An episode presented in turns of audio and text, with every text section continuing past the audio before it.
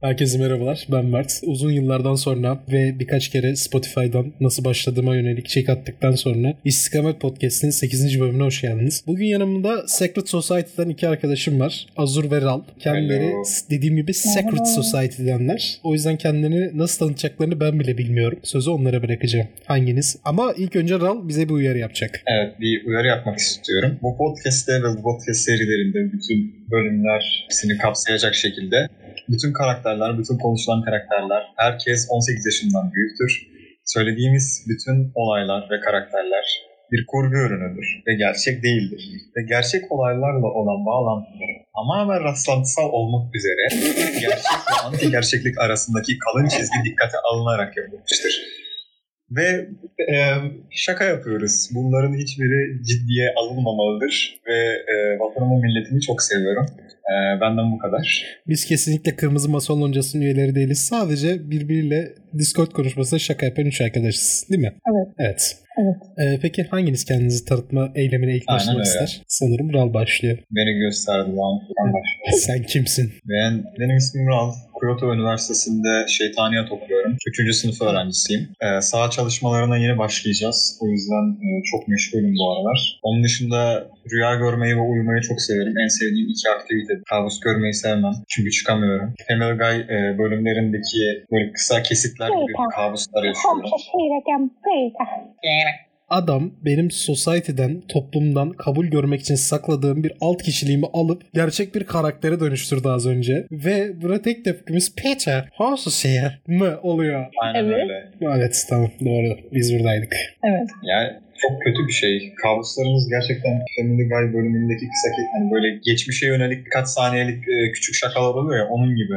Ve geçemiyorsunuz. Eğer kabuslarınızda biri sizi gırtlaklarsa arkadaşlar hard dedi deyip kurtulabilirsiniz. Teşekkürler. Evet sanırım sıra şu an İkimiz Azur'a- de deneyimlemişiz demek. Evet, evet, evet, evet. edelim. Evet, Sıra Azur'a paslanıyor. Hadi Allah. Böyle bir şansımız var ve denemeyeceğiz. Evet. Tamam lan. Yani merhabalar ben Azur. Almanya Zürich Teknik Üniversitesi'nde Türk bilimi okuyorum. Çok pardon. Araştırmalarınız bu yönde mi peki? E, genel olarak bu yönde evet. Genel olmayarak. Saha çalışması yapıyor musunuz? Yaptık. Dün yaptım. Dün. dün. Japonları inceledik. Hmm. Genel olarak spor eksikleri olduklarını fark ettik ve glutlarını çok kullanmadıklarını gördük. Onlara bir tık reçetelerini e, squat yazdık, bench yazdık keyif olarak. Altında kalıp ölmek isterlerse diye. Bildiğim tüm spor terimlerini sayarken ben... Hayır. Bak sen anlayamazsın. Sen bu bilimi okumuyorsun. Tabii. Ben, Akılları kullan. ben, Vektörü Şey kullan. diyeceğim doğru diyor. Doğru diyor. ben deli doktoruyum. Nereden anlayayım ki? Hı. egzersizi için squat. Senin deneyimin var herhalde var. Bravo. Bence sen kendini tanıtmaya devam et. Evet evet. Ee, İlk önce bir kendini tanıtmalıyım. Ben ot gibi bir insanım. Hiçbir şey yok hayatta. Hiçbir şey mi? Hiçbir şey. Mahsisleri yaşayan bir köyde yaşıyorum. Bize bu histeriden biraz... at kafalı Evet bahset diyecektim. Sen başladın zaten. Buyurun. Evet, adamlar at kafalı e, tavuk görüyorlar. Onlarla beraber yürüyen eşek. At kafalı tavuk mu? Tavuk kafalı at mı? Tavuk kafalı at. Bak o da creepy as fuck bir şeymiş. Tamam. Evet, çok ilginç bir yer burası. Peki bu histeriyle alakalı herhangi bir devlet kurumu çalışma yaptı mı? CIA sularınıza ne bileyim herhangi bir madde falan karıştırmış olabilir mi? Ben suya tükürdüm. Şimdi sen sayop musun? Ben bunu mu anlamalıyım? Yani bu bu nasıl bir statement? Gelişiyor. Tamam. Peki şöyle bir şey sorayım Ral ve Azur'a. Evet. Haftanız nasıl geçti? Yani son yakın bir yakın bir gelecekte, yakın geleceği ne kadar kabul ederseniz neler yaptınız? Benim son bir haftam içerisinde hiçbir şey yapmadım. Sadece kitap okudum. Yani kitap okuyorum. Daha bitmedi ya daha lanet olsun. Onun dışında piyano çalmayı uzun bir süre sonra 6 ay sonra tekrar oturup çalmaya başladım. Gittim şeyi öğrendim. Müzik ismi söyleyebiliyoruz değil mi? Bunu da E, ta- onu da söyle canım tabii. Yani evet bir şey olmaz. Şey Chamber of Reflection. Peki- Sonra Peki piyano kararı aldıran sizin neydi? Hani niye diğer enstrümanlar değil? Şöyle başlayalım. Ortaokuldan beri tek çalmayı sevdiğim şey melodikaydı. Hatta şu an yanımda da duruyor. O en eski melodika. Peki Tabii. müzik hocası hiç seni mel- melodikayla dövdü mü? Yok ama müzik hocamız gerçekten bir şerefsiz. Biraz kinky man. Size şöyle bir şey anlatayım. Ben e, Bilmiyorum. ortaokulda ve hat- hatta hala da devam eden bir hastalık nedense.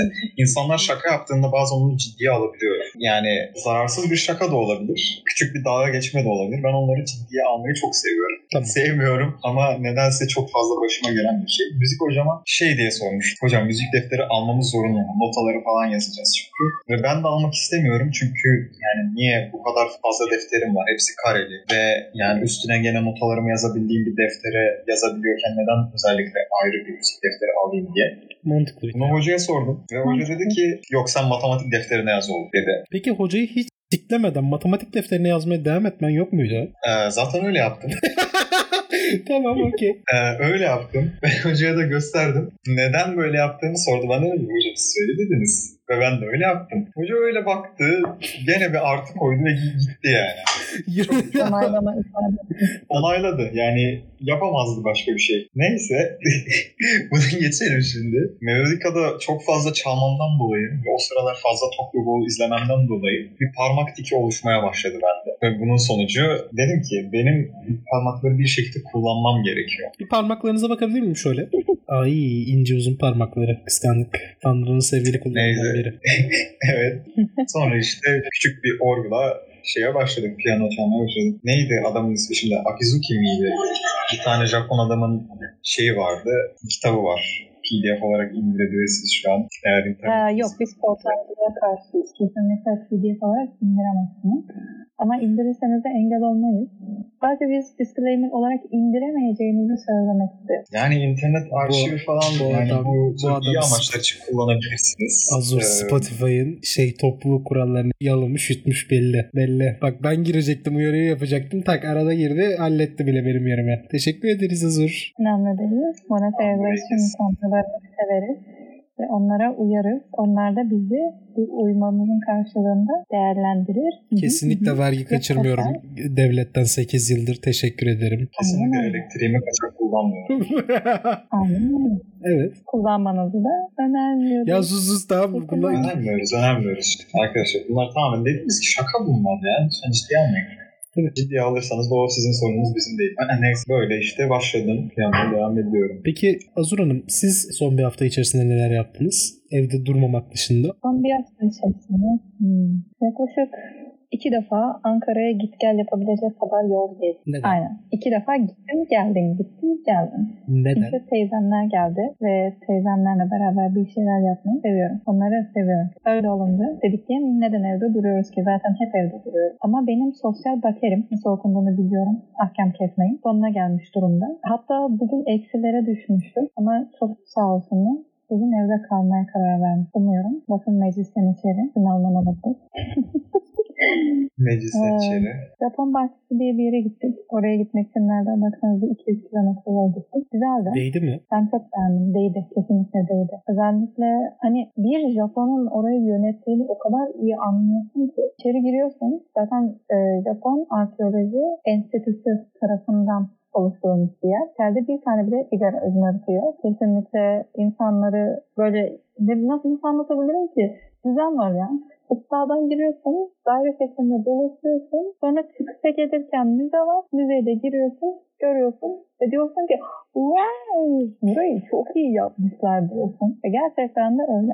Ben değdiğini düşünüyorum. Okey. Ayrıca Kuş Cenneti diye bir yer vardı. Seyfe. Görüyor musunuz. Tam olarak çıkaramadım şu anda. Oraya da gitmeyi çok istedik fakat zamanımız kalmadı. Oraya da elbet bir gün gideceğiz. Size de önermekteyim. Çünkü 187 tane kuş türü bulunmaktaymış. Ve yani mantıken korumaya alınmış diyor. Hı hı, hı. Evet. Ben son bir hafta içerisinde fazla bir şey yapmadım. Seçim döneminin yaklaşmasıyla beraber bir böyle ekonomide dalgalanma olunca dedim ki ben Morinhur alacağım. Benim parmaklar kısa ve tombul olduğu için herhangi bir şekilde maalesef piyano, gitar, saz çalmakta zorlanıyorum. Bazıları bana şey diyor. Abi pernayla çalsana. Yani parmaklarına ihtiyacın yok ki. Abi notalara basamıyorum. Hani klavyesini kullanamıyorum. Yani o yüzden o şekilde çalgıları çalamadığım için ben bayağı hayatımda hani tek boşluk hani spor babında yaptığım şeyler oldu. İşte grafik tasarımı o bu hani her konuda kendimi bir şekilde bir yere kadar ilerletmeye çalıştım ama müzik konusunda veya ses konusunda şarkı söyleme konusunda bayağı geri kalmıştım hayatımda. Dedim ki ben o zaman bir şey öğreneyim ve bana ne uygun olabilir. Daha sonra hem fenotipim hem de genetik yapımın uygun olduğu şeyleri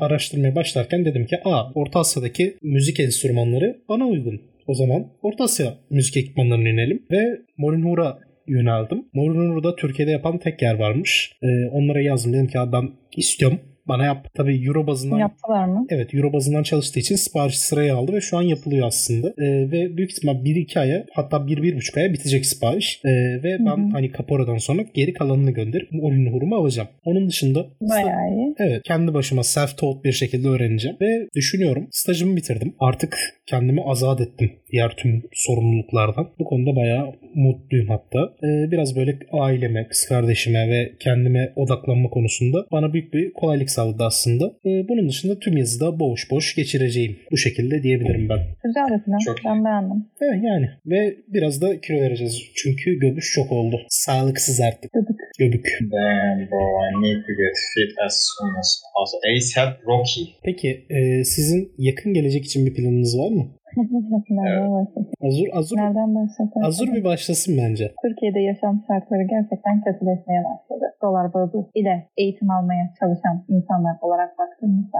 Evet. Ve Şimdi bir şey çok basit bir şey soracağım. öğrencinin- Çok basit bir şey soracağım. Araya girdiğim için özür dilerim. Evet. Şimdi Ral sen şeyde mi okuyorsun? Devlette mi okuyorsun, özelde mi? Evet, Kyoto Üniversitesi Devlet Üniversitesi. Tamam. Azur. Zürih Teknik devlet mi, özel mi? para veriyorsun. Ama devlet sayılıyor. Hmm. Ben vakıftayım ya. Benim benim mesela üniversitem %100 burslu olmasam şu an 100 bin lira. Öyle baktığında bayağı bad deal aslında. Kötü olay. Yani çünkü bir Evet. üniversiteye sadece bir yıllığına 100 bin lira vermek. Ya 100 bin lirayla ben iş kurarım o parayı ikiye katlar yer- yerine koyarım yani. Öyle Hı bir hı. durum var. Neyse. Devam ediniz buyurun. Bir öğrencinin şu anda hayatta kalabilmek için tek, tek çıkış yolu yurt dışına gitmek. Ama yurt dışına gidebilmek için elinde bir sermaye olması gerekiyor.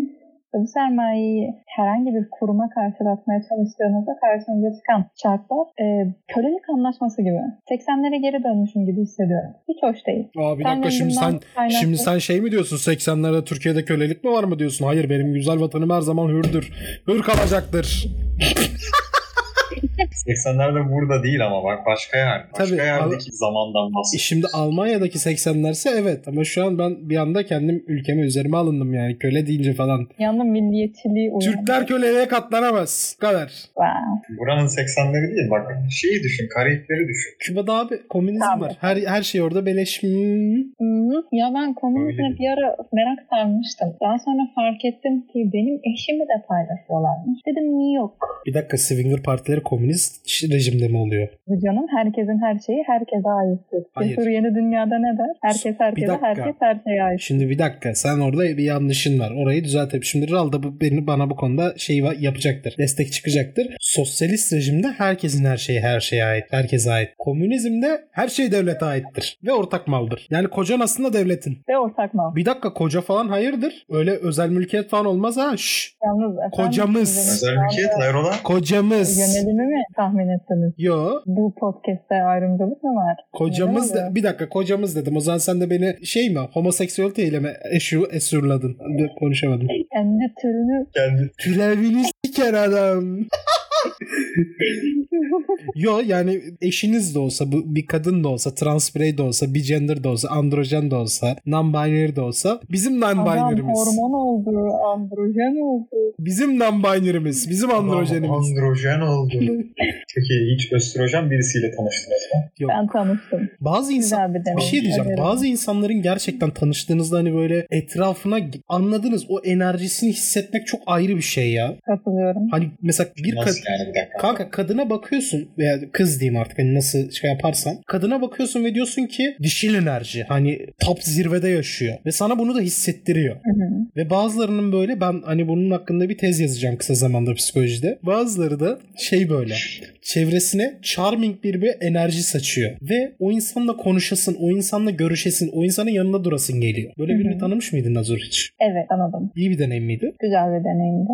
Evet yani Az önce dediğim gibi herkese öneriyorum. Her insanın bir kez olsun yaşaması gereken bir deneyim olduğunu düşünüyorum. Peki Ral Bey siz böyle bir şey yaşamış mıydınız? Hani birini gördüm. Hani 5 R'li erkek veya kadın gibi kadın dediğiniz böyle. Hmm, not defined. Can't be defined daha doğrusu. Yani ci- özellikle cinsiyet açısından bir Ama şöyle hani cinsiyet şekilde. ya zaten bak ben mesela kadın erkek diyorum ama onu şey olarak algılamayın hani sadece kadından bak. Hayır. Yani kadın spektrumundaki, erkek spektrumundaki veya cinsiyet spektrumundaki herkes olarak onu algıla. Ee, şey yani hani birini böyle gerçekten enerjisini dışarı yansıtabilen, o pozitif enerjiyi sana verebilen, charming enerjiyi sana verebilen biriyle daha önce karşılaştın mı? Evet evet o anlamdaysa kesin. Nasıl bir deneyimdi peki? Smoking Sexy Style. Hmm. Diğer Devil May Cry'daki en yüksek stil pu- puanı. Ve yani nasıl desem bu hani bunun nasıl bir his olduğunu anlatmak biraz zor. Özellikle bunu bir kelime olarak, kelimelere dökebilmek daha doğrusu. Bu tür şeyler bence kelime olarak anlatılamaz ve daha çok bir insan tarafından hissedilmesi veya yaşanması veya aynı ortamda durup o enerjiyi de alması gereken bir durum bence. Yani şuna en yakın olarak Smoking Sexy Style. SSS. DMC en yüksek style. Peki SSS Amazing. mi yoksa SSS mi? O şimdi hiç oraya girme. SSS. Üç tane. 3 tane Estro 2 S olmasın sıkıntı çıkmasın. Peki Gen Z'nin şu an e, dövme konusunda ve hani insanları kendini ifade etme konusunda garip garip huylarının olmasına ne diyorsun? Yani mesela herkes şu an şu benim Hmm. boynumdaki dövmenin olduğu yer var ya solda. Oraya bir Z harfi hani Gen Z'yi Z jenerasyonunu temsil edecek şekilde bir Z harfi yaptırıyor. Bunun hakkında ne düşünüyorsun? Gerçekten jenerasyonuna bu kadar bağlı olabilir mi bir insan? Azur Hanım. Diyorum.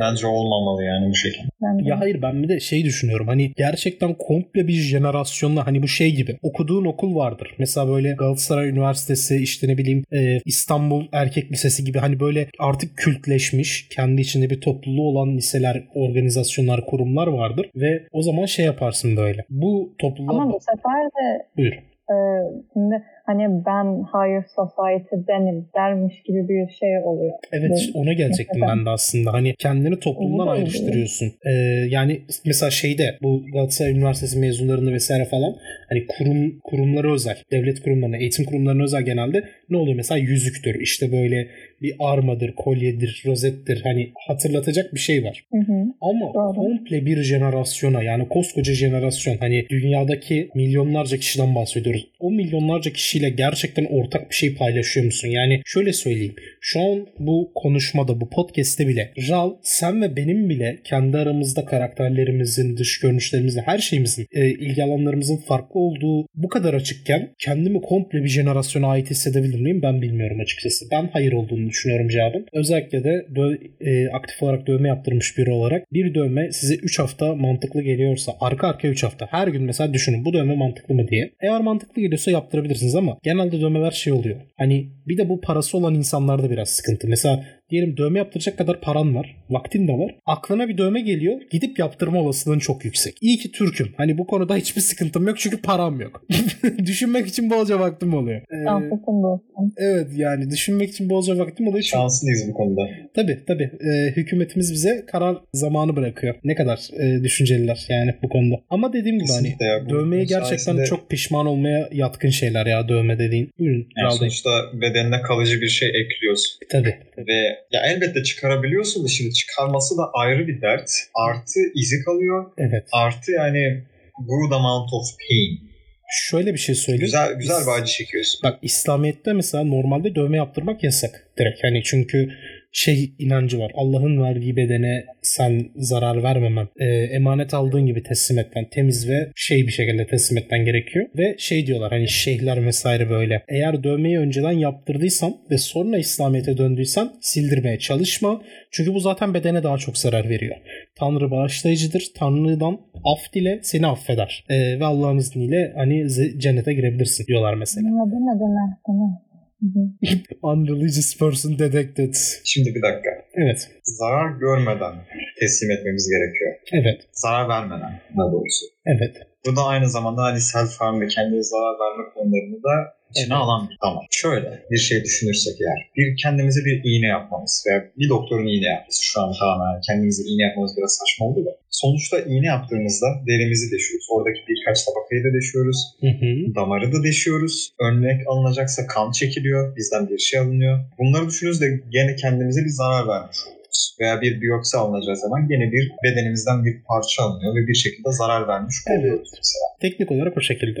Peki elbette bunlar sonradan iyileşiyor. O zaman bunlar yani bunların günah sayılabilmemesi için iyileşmesine mi bakıyoruz yoksa kalı, yani kalıcı olup olmamasına mı bakıyoruz yoksa hasar veriyor mu vermiyor? Şimdi şu an mikrofonun başındaki adam olarak mı cevaplamamı istiyorsun yoksa Şeyh Edebali olarak mı cevap vereyim? Hangisi istersen. Tamam. Sana Şeyh Edebali olarak cevap veriyorum. Şöyle bir şey var. Orada herhangi bir sağlık amacıyla yaptığın bir şeyde sen bedeninin genel sağlığını korumak için veya hali hazırda bozulmuş sağlık durumunu iyileştirmek için gerekli kontrollerin, gerekli tedavilerin yapılması için bunları yaptığından bunlar kabul edilebilir. Çünkü zaten sen bedenine sağlıklı, sağlığına dikkat etmek istiyorsun. O yüzden aslında Tanrı'ya bedeni aldığın gibi emanet etmek için uğraşıyorsun. O yüzden they are legit. Ama yok ben bir şeye şırıngaya çekeceğim onu damara yok öyle.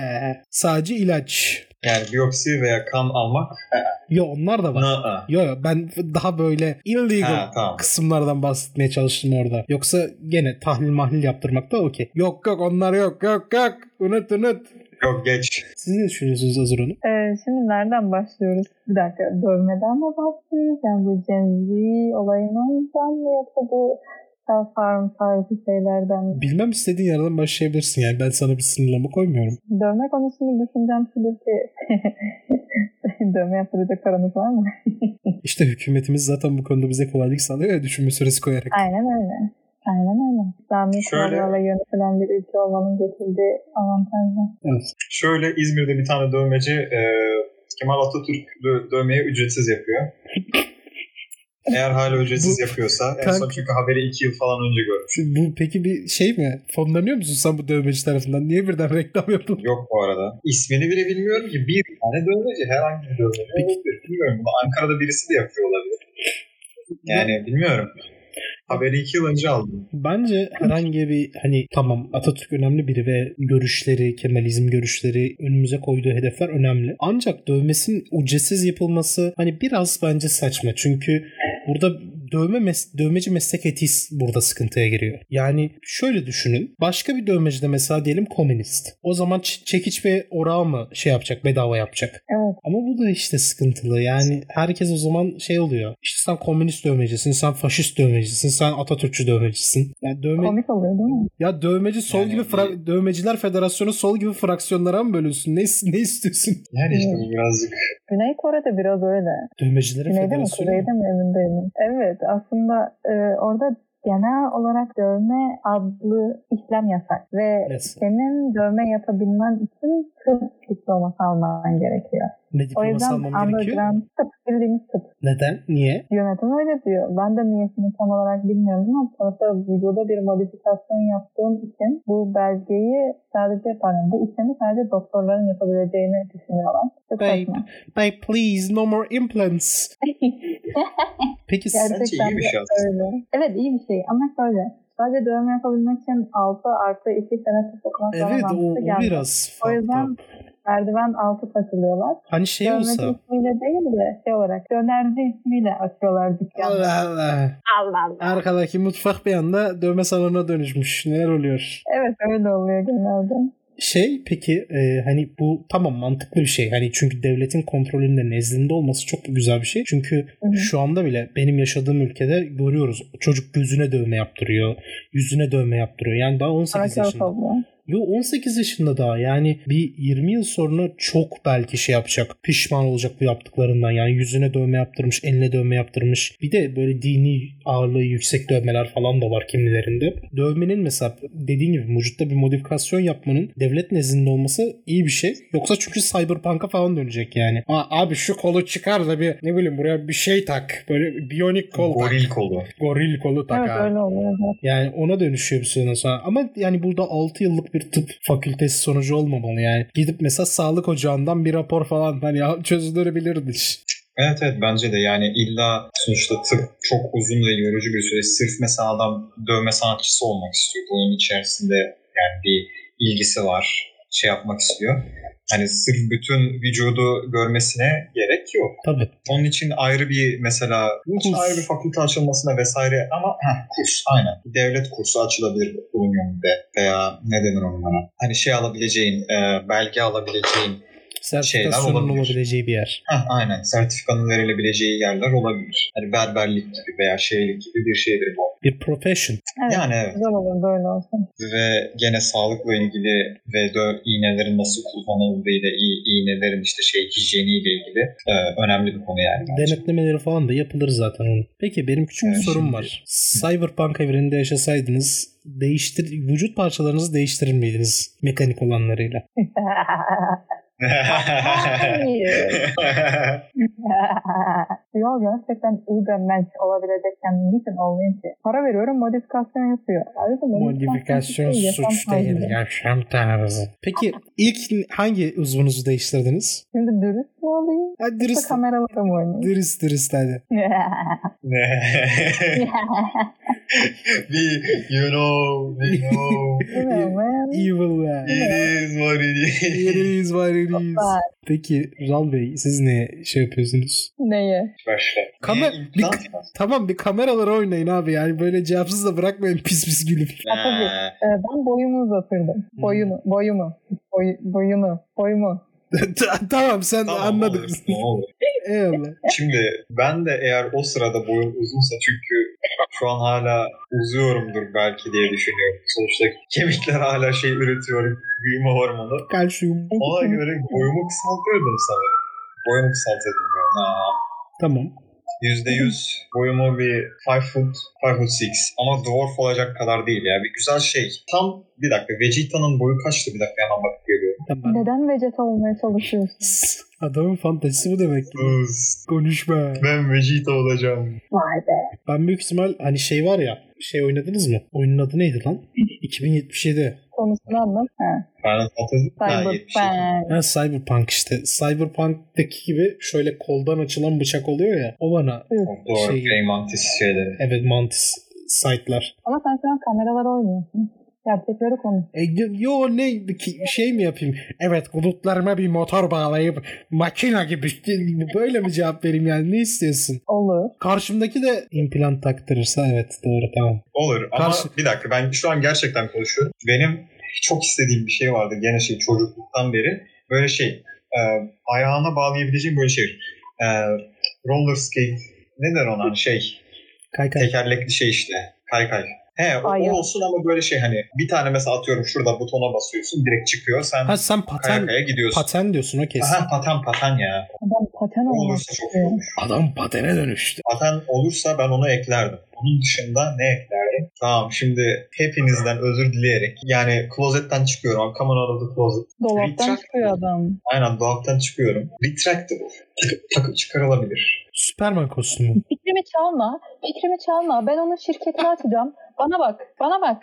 Ben o şirketini açacağım. Ben CEO'su benim. Ben şey olacağım. E, Tamam. Krani Elon Musk olacağım. Tamam şöyle yapalım senden olan. alacağım. He, Senden alacağım. Öyle mi Senden olmuş? Teşekkür ederim. Kabul mü? Kabul. Ama iyi yap. Ama iyi yapacaksın. ama iyi. İyi yapacağım. Çünkü kendime de yapacağım. Abi Tamam, ben anlaştık. denemediğim ürünü satmıyorum. Bu arada Ben- Garantisi benim abi. Ben yemediğim hiçbir şeyi müşterilerime Tamam. sunuyorum. Kesmece yapabilir miyiz? Hijyenik. Hijyenik var. abi bir dilim.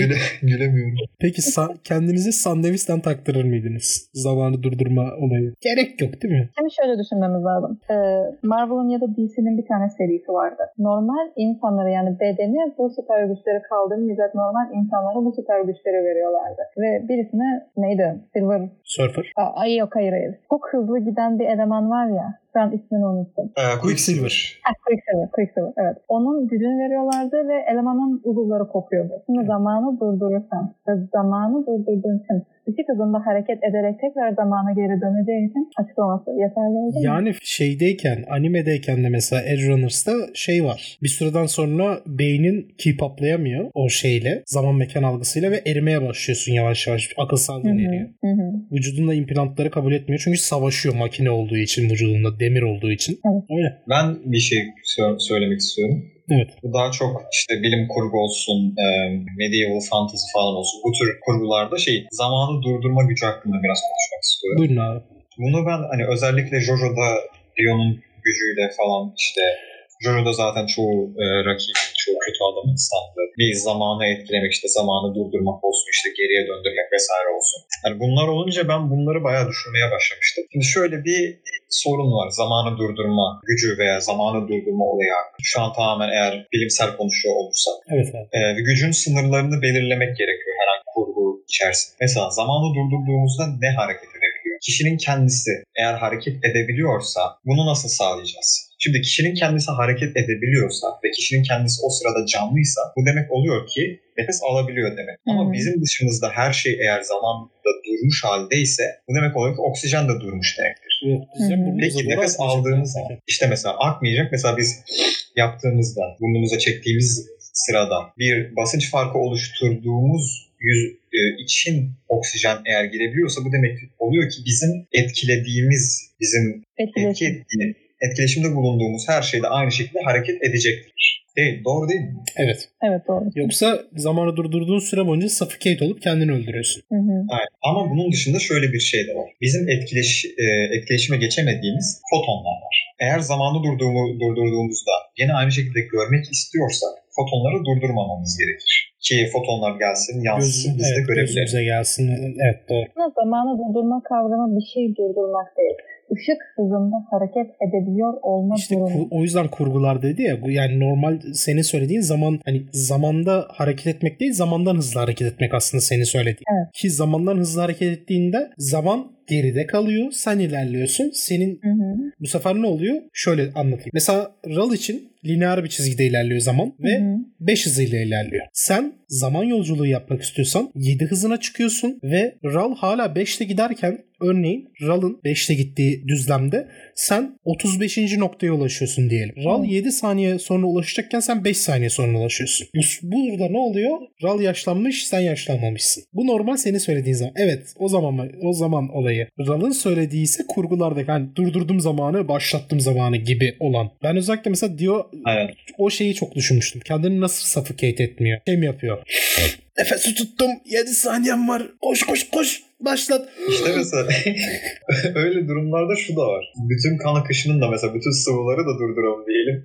Bütün sıvıları da durdurduk diyelim. Hani kan akışının da durması lazım. Veya bütün maddeleri durdurduk. Vücudumuzda gene aynı şekilde demir molekülleri de var. işte magnezyum şeyleri de var. Canlı olmayan her şeyi durdurduk diyelim. Kemik kendi başına cansız bir şey. Ama mesela atıyorum ki kası hareket ettirdik. Kası hareket ederken kemik de mi beraber onunla mesela? Yani İçin içinden çıkılmıyor. Demeye yani. çalıştığım şey ileriki gelecek yazarlara ve gelecek kurgu yazarlarına herkese bir zamanı durdurma olayı yaratacakken bu kurallarını ve şeyleri fiziğini iyi düşünmeniz ve ona göre yapmanızdır bence. ben kurgularda şeyi çok sevmiyorum. Bazı şeyler hani açıklanamıyor. Senin az önce şu an mesela zaman kurgulardaki zaman durdurmayı açıklayamadık. Çünkü açıklanamayacak bir şey. Yani normal bizim fizi- fiziksel evrenimizdeki zaman durdurma kavramına da yakın değiller. Gerçekten ba- durdurdum başlattım durdurdum başlattım. Hani böyle televizyon kumandasıyla şey yapar gibi. Aç kapa aç kapa yapar gibi. Ben kurgulardaki tesadüf kavramından şey yapamıyorum. Zevk alamıyorum. Çünkü tesadüf de çünkü Aynen. orada kurguyu sen yaratmışsın ve senin yaratmana rağmen tesadüfen bir şey oluyorsa şey gibi bu. Hani yaratıcı dünyayı yaratmış ama bazı şeyler de tesadüfen olmuş gibi oluyor. Bu ne kadar mantıksızsa kendi yazdığımız veya başka birinin yazdığı kurguda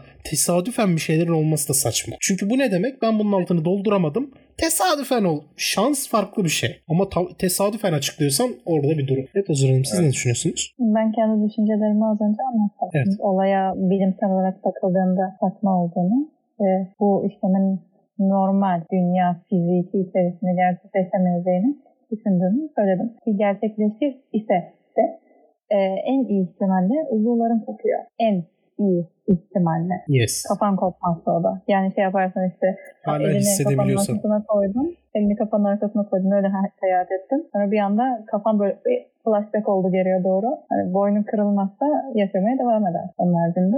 Aa. Na- aa. Yani Colles Fracture'da yaşamak Nı-aa. istiyorsanız. Peki e, kurgu karakterler olarak düşündüğümüzde mesela yakın zamanda Netflix'e Kutsal Damacana 4 gelmiş ve bazı kurgu karakterlerin zamanla böyle saçmalaşışına şahit olmak sizi de üzüyor mu? Yani çünkü mesela Kutsal Damacana serisindeki oradaki Fikret karakteri mesela. Fikret miydi? Yani bilmiyorum. Şafak. Sadece birinci film. İşte Şafak Sezer'in oynadığı o adam. Öyle diyelim. Damacanayı tutan adam. Evet Damacana'yı tutan adam. Damacana'yı tutan adam mesela ilk, ilk seride tamam bir possession durumu var ve possession'ı çıkardı. İkincide bir kurt adam var. Üçüncüde bir tamam işte e, Dracula var. Ama dörtte mesela başa sardı olayı. Yani karakter için artık bir şey böyle possess bir insan görmek çok bir önemli değil. Ne bileyim iblis bir forma geçiyor. Onunla dalga geçiyor. Aklıyla oynuyor. Hiçbir şey yapmıyor onun karşısında falan. Hani insani tepkilerden de arınmış bir karakter var karşımızda artık. O beni üzüyor. Hı hı. Sizin böyle gitgide daha da kötüleştiğini gördüğünüz, üzüldüğünüz bir karakter var mı? Kesinlikle Batman. Tamam bu statement'ı yaptıysan şimdi neden olduğunu açıklaman gerekiyor. Kesinlikle Batman kısmından alıyoruz. Bu. Ha yok Batman de bir dakika Wonder Woman. Siz Wonder Woman'ın ilk halini biliyor musunuz? Şimdi size bir belgesel niteliğinde hap bilgiler vereceğim. Wonder Woman aslında bir psikoloji profesörü tarafından yazılmış bir karakter. Ama bunun içeriğine bakacağız. Profesör evli ve evli olduğu insanla onunla beraber aynı kurumda çalışıyor. Tam olarak istihdamından emin değilim ama onun da bir profesör olduğunu tahmin ediyorum. Bir de profesörün asistanı var. Evet var. Profesörün eşi e, dominant, ayağa yere basan ve e, Wonder Woman'ın özelliklerinden bildiğimiz o güçlü kadın profilini Evet profesör olmuş mantıken. Evet. Profesörün asistanı ise Hugh, korunmaya muhtaç. Breathable. Ha, evet. Aha, hem breathable. İnsan profilini veriyor direkt. Ve profesör bir gün diyor ki abi ben bu iki kadını da seviyorum. O zaman ben bunları birleştireyim ve bir figür oluşturayım. Ve buna da muhteşem kadın anlamına gelen Wonder Woman diyor. Şimdi bir şey diyeceğim. 31 Amazing. mata 31 materyali oluşturmak için koskoca çizgi roman mı yazmış bu adam? Evet. Aa, Ama şöyle Neden olmasın? Ayrıntısına giriyoruz. Evet. ilk çıkan çizgi romanları incelediğimizde yanlış bilmiyorsam 90 hayır 80'lerin sonu 90'ların başı olan bir dünyada olduğumuzu düşünelim. Ve bu çizgi romanların içeriğinde fazlaca bondage var. Fazlaca. Fazla. Hocam o yüzden mi Bayağı. kırbacı var? Evet. evet. Abi BDSM sevdalısıymış. Evet, bu profesör hayatının ileriki aşamalarında e, rastgele karşılaştığı bir bondage dükkanı yüzünden bondage sevdalısı oluyor. Gördüğüm en ki- kötü backstory bu. Bir gün yolda giderken bir seks shop'a rastladım. İçeri E, girdim. gerçekten öyle oluyor. Kırbaçlar vardı. Artık hayatım buydu. Bu nasıl bir salak bir backstory? Hayır ama şey oluyor. Orada eşiyle beraber asistanı bağlıyorlar. Ben size Aynen. referans söylemiyorum. Sonuç olarak burası e, 18 plus bir mekan mı? İşareti. O yüzden söyleyemem. Ya, Aile ya. dostu bir podcastiz ya. Evet, aile dostu bir podcast olabilmem için bunları söylememem Tabii ki. Tabii ki, gerekiyor. tabii ki. Her türlü cinsel Aynen. spektruma, e, cinsiyet spektrumuna, her türlü siyasi fikre saygı saygısı olan bir hı, podcast. hı hı. Devamında ise e, Amerika mıydı? Şu an çok emin olamıyorum. Muhtemelen Amerika'ydı evet. Amerika çocukları koruma ve çocukların gelişimini destekleme kurumu olması lazım. Diyor ki abi bu yani çizgi roman çocukları, çocuklar bunu çok seviyor ama sen çocuklara kötü şeyler öğretiyorsun. Zaman ya bondacı kız ya da biz senin telif haklarını elinden alacağız. Adam da diyor ki bana, bana kısmıydı. Bana, Alıp Marvel'a mı veriyorlar? benim aşkım.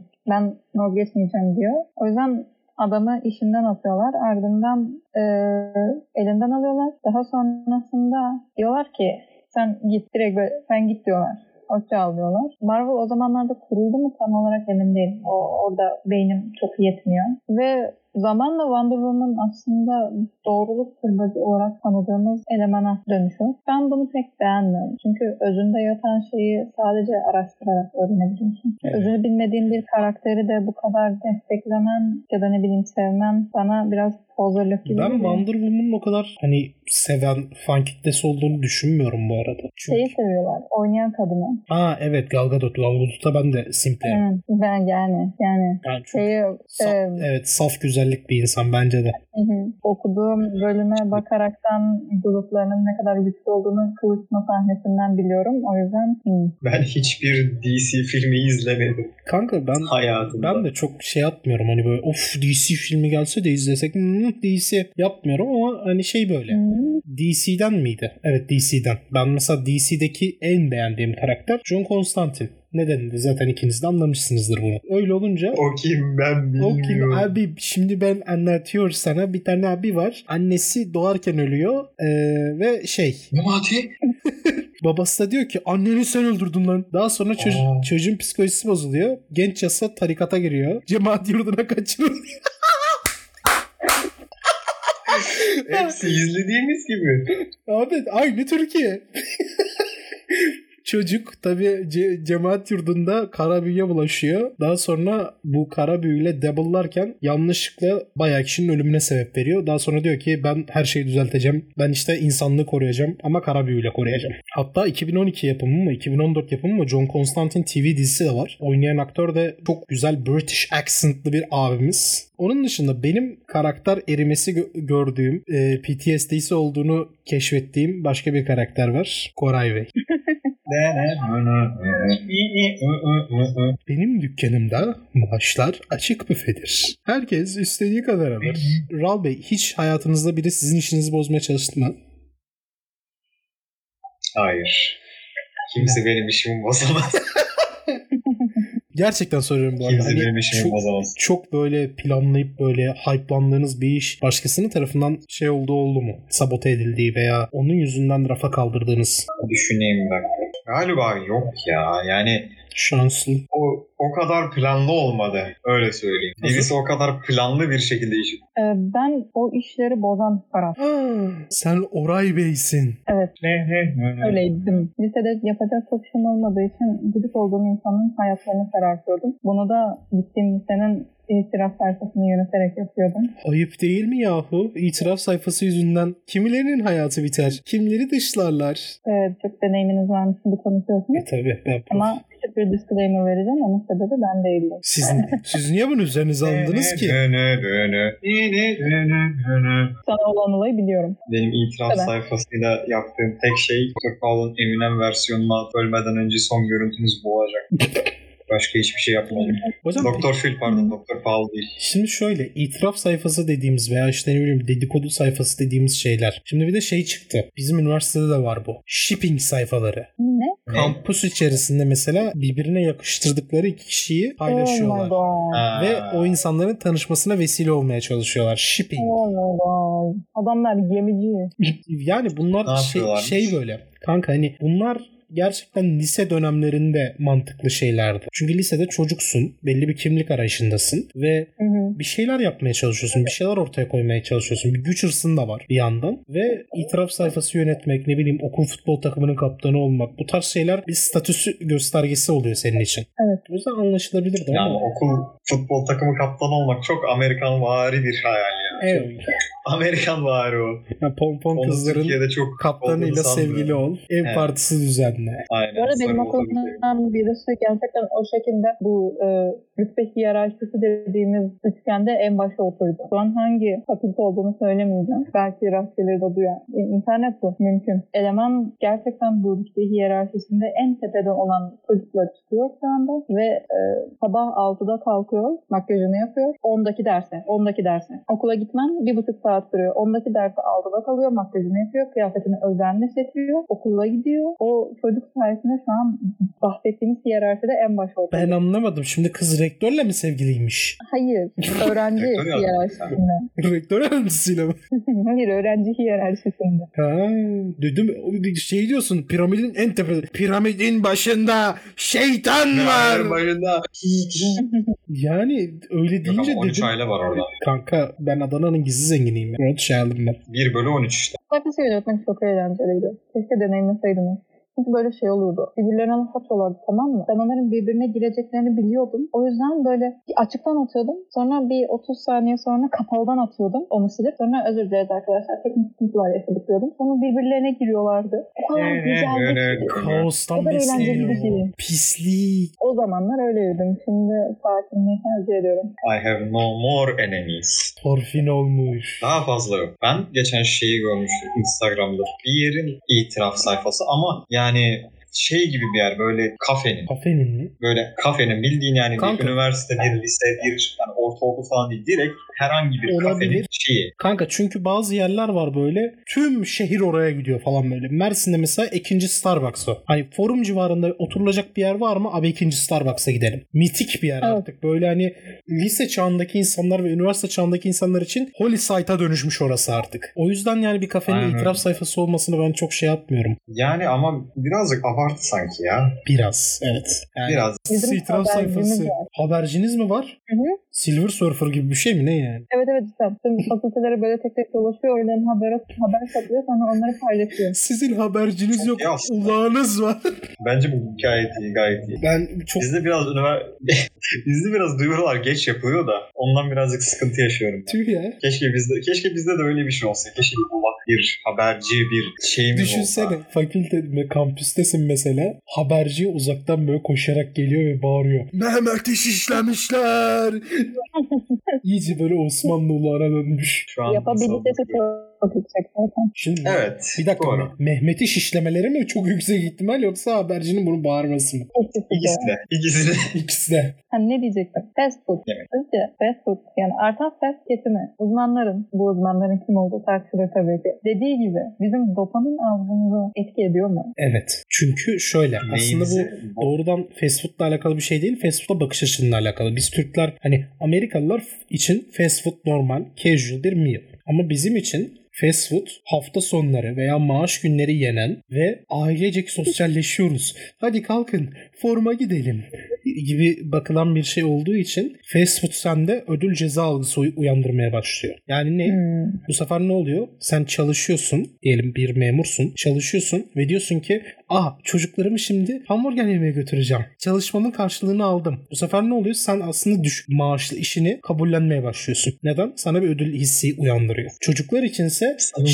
Çocuklar içinde şey oluyor. Bir ay boyunca bekleyip daha sonra o babanın maaş gününde mesela ah evet şimdi maaş günü geldi. Babamız tüm gün e, okulda bize uslu durduğumuz için ve şey yaptığımız için iyi bir çocuk olduğumuz için bizi hamburger yemeye götürecek. Dediğim gibi ödül ceza algısı oluşturmaya başlıyor ve Hmm. dopamin seviyelerinde Bizi tavla oluyor. Bizi köpek Tavla yapıyor. adam. Evet. Bunu ben geçen de düşünmüştüm. Kendi düşüncelerimi söyledim. Tabii ki buyurun. Şimdi evet Amerika ve diğer hani ülkelerde daha böyle ucuz görüldüğü ve mesela et, tavuk gibi şeylerin ve hani sadece fast food veya zincir restoranlar dışında işte mom and pop böyle hani kendini hani esnaf lokantası diye bildiğimiz yerler de çok olduğu için orada aslında hani dışarıdan yemek bir kültür gibi bir şey. Herhangi bir hani bir yemeği yemek gibi bir şey orada. Bir ödül bir şey olayı yok. Şimdi bizim için bir jenerasyon farkı olarak şöyle olduğunu düşünüyorum ben. Hani dışarıdan yemeği ben şu an hani tamamen hem zincir restoran hem mesela bir McDonald's olsun bir başka bir hani bir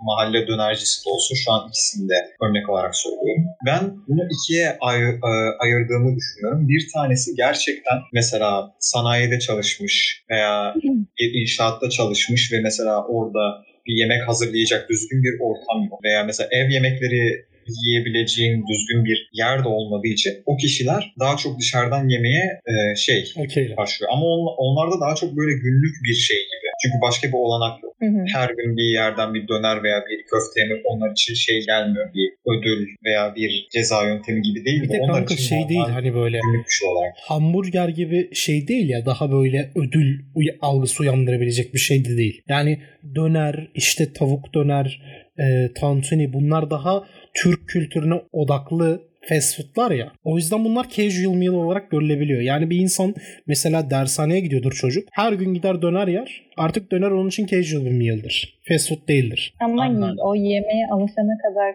süreç. Evet bir amaze, amaze hissi oluşur. İlk 2-3 kez falan. Evet. E, Bence yani döner de güzel bir ödül. Ben seviyorum. Ben, benim için döner bir Ben ödül. de seviyorum. Kesinlikle. Özellikle mesela Ama şu an ben yememeliyim. dev döner. Zurna döner. Onun dışında dediğimiz gibi işte hafta sonu olsun hani ayda bir iki kez olsun gidip işte dışarıdan yeme olayı hani belki daha bu genç jenerasyon için şeydir. Şimdi dediğim daha büyük ve işçi kesim için casual bir meal olarak görülürken işte daha küçük çocuklar ve vesaire için bir ödül şovu olarak görülebilir. Onun dışında mesela Ankara'da da bunun şeyi de var. Aspava kültürü var. Orada da gene bu da bir şekilde bir ödül mekanizması olarak, bir ödül ceza olarak görülmüş herhalde. Ayda işte bir iki kez ailecek bir Aspava dükkanına gitmenin. Gene reklam yapmıyorum. Aspava'nın iyi veya kötü olduğunu söylemiyorum. Sadece bir kültür ögesi. Sadece öyle söylüyorum. Oraya gidip bir yemek yemenin de bir e, kültür olarak girmiş artık. Ama, An- ama bize sponsorluk verirlerse Aspava Ama ya. evet. Aspava ile uyanırım. Aspava yerim. Aspava için ölürüm. Aspava ile uyurum. Aynen öyle. Aynen öyle. Sponsorluk verirlerse tabii ki. öyle. Peki bu fast Ama- food kül- Türkiye'deki fast food kültürüne Azur'un yaklaşımını da merak ediyorum ben sen bitirdikten sonra. Türkiye'deki fast food kültürü aynen Mert'in de dediği gibi biraz ödül algısına dayanıyor. Maaş sistemleri ve bizim sadece maaştan maaşa bir şeyler yiyebiliyor olduğumuz bir aile olarak bakıldığında. Ya, ya abi bir McDonald's McDonald's'ın menüsü 130 lira olmamalı. En son baktığımda 130 Şu an ne kadar bilemiyorum. 160 Ya falan. iki tane ekmek, iki tane ban bildiğimiz şey olan, ekmek olan arasında bir tane köfte 160 lira olmamalı. Ben eskiden. Bakıyorum. ben eskiden şey yapıyordum. Ya. Ben eskiden şey yapıyordum. Lisede arkadaşlarıma flexliyordum. Yemek yapmayı bildiğim için şey diyordum. Abi bu yediğiniz şeyler 30 lira 40 lira veriyorsunuz. Ben bunu evde 10 liraya yapıyorum. Ve işte hamburger mesela yemeğe gidiyorduk. Bir hamburger yeniyordu 70 lira mesela. Gurme hamburger ama. Diyordum ki ben bunu 50 liraya yaparım. Veya okulda mesela şimdi yemekhane kültürü vardı bizim okulda. Ve yemekhanede böyle ortalama şimdi çok kötü de değildi. Ortalama yiyecekler çıkıyordu. Ortalama menüler çıkıyordu. Ve ben diyordum ki yemekhaneye ben aylık vereceğim parayla her gün tavuk pilav yapar götürürüm diyordum. Şu an bu da mümkün değil mesela. Üzücü yani. Aynı şekilde. Evet. Bizim yemekhaneler de çok vardı. Yani çok ucuz, çok ucuz kesinlikle ama e, yemeğin içinden şey, Trakya bulabiliyorsunuz. E, böyle şey küçük easter egg'ler falan var. Abi Kyoto, Sürpriz, sürpriz böyle. Kyoto Üniversitesi aşçısını değiştirmeli ya. Ya birazcık hani çok, çok ucuz, gerçekten çok ucuz. İki haneli değil yani. Güzel. Ama gene bu paraya kıyıp hani yemek kalitesini bence arttırabilirler ya. ya bu elbette her öğrenci için Ya Ee, şey yani. uygun olmayabilir ama Kanka ama uygun olmayabilir de geçtim kanka. Yani şimdi şöyle artık hani 7 lira yerine 10 lira olunca kimse ölmüyor. Bunu karşılayamayacak bir insan da yok çünkü artık hani şey ben mesela kredi alıyorum devletten. Kredi de belli bir şeyde. Burs da belli bir şeyde. Ne bileyim asgari ücret de belli bir yere varıyor. Ülkenin durumu da çok aşina mesela belli yani. Artık herkes buna aşina olmuştur. O yüzden yok yani 7 lira şeymiş 5 lira şeymiş. Bunları çok kimsenin takacağını düşünmüyorum ya. O kaliteden artık hani bu şey gibi itibardan tasarruf olmaz mantığı gibi kanka. Kaliteden tasarruf olmaz yemekte. Yemek çünkü. Ölürsün bakın kötü bir şey olsa. Yani evet. Ve keşke de bunun hani sağlıklı kontroller de yapılsa. Ve içine siyanür konmazsa güzel olur bence. Adolfler son menü hmm. Bakalım, bakalım Bir ne vermiş. pretzel, bir Rus salatası. Dışarıdan öğrendim. Adolf Hitler'in son, son yemeğinde Rus salatası mı? Evet. Berlin'e Ruslar girmiş. Afiyet olsun. Bir şey diyeceğim. Us- ülke ülke koskocaman bir temel fıkrasına döndü. Bir gün bir Vallahi. Afgan, bir Suriyeli, bir Pakistanlı ve bir Türk aynı markete Rus. girmiş. Ha Rus da evet Doğru bu Ruslar, arada şu an. Rus ve Ukraynalılar da var. Evet. Doğru bu arada. Artık şu Iraklılar an ve temel... İranlılar da var. Somaliler ve Bangladeşliler de var. Doğru. Doğru. Libya ve Faslılar. Doğru. Şu an Ülke temel fıkrası artıyor. Küçük bir Amerika olduk diyebilir miyiz? Yani her kültürden insan var. Kanka ba- ama bu bayağı kötü bir Amerika yani. Amerika Evet. Amerika şey anne Amerika alabilir miyiz? Oğlum Amerika evde var. Evdeki Amerika yani. Yani evet. Bence bu bir sorun ama Türkiye güzel bir yer bence. Tabi tabi. Yani Cennet- bence de. ama cennet sorunun vatanım. çözülmesi lazım. Türkiye cennet. Bence bence de ama bu sığınmacı sorunun çözülmesi lazım. Neyse. Bu güzel sohbetin ardından İstikamet Podcast'in 8. bölümünün sonuna gelmiş bulunmaktayız. Bugün bana burada katıldığı ve garip hareketler sergilediği için Azur'a ve sohbetlerimize ortak olduğu için Ral'a teşekkür ederim. Sizin söylemek istediğiniz bir şey var mı? Ee, ben çocukken hep bir testere olsun istemişimdir. Bir o testereyi böyle bir diye çekme hissi çok iyi geliyordu. Bak Allah belamı versin. Çok mantıklı konu ama kapanış konuşmasıyla ne alakası var bilemiyorum. İşte o sesleri bana hiç alınmadığı için podcastçi oldum. Mantıklı tamam. Teşekkürler. Ne atom bombası ne Hiroşima. Bir elinde cımbız bir elinde ayna. Umurunda mı dünya? Şimdi gerçek bir çıkış konuşması alabilir miyiz? Gerçeği. Okey. Daha az ve benim sansürlemeyeceğim bir şey alabilir miyiz peki? Yüz ifadesi hiç iç açıcı değildi.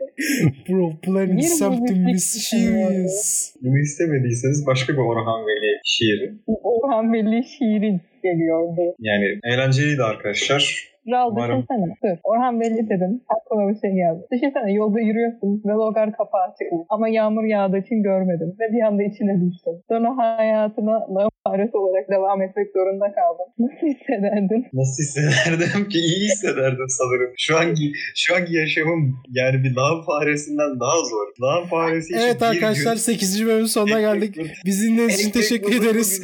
Instagram'dan bizi takip etmeyi unutmayın. Life good. Haftaya bizi bekleyin. Bir şeyler görüşürüz.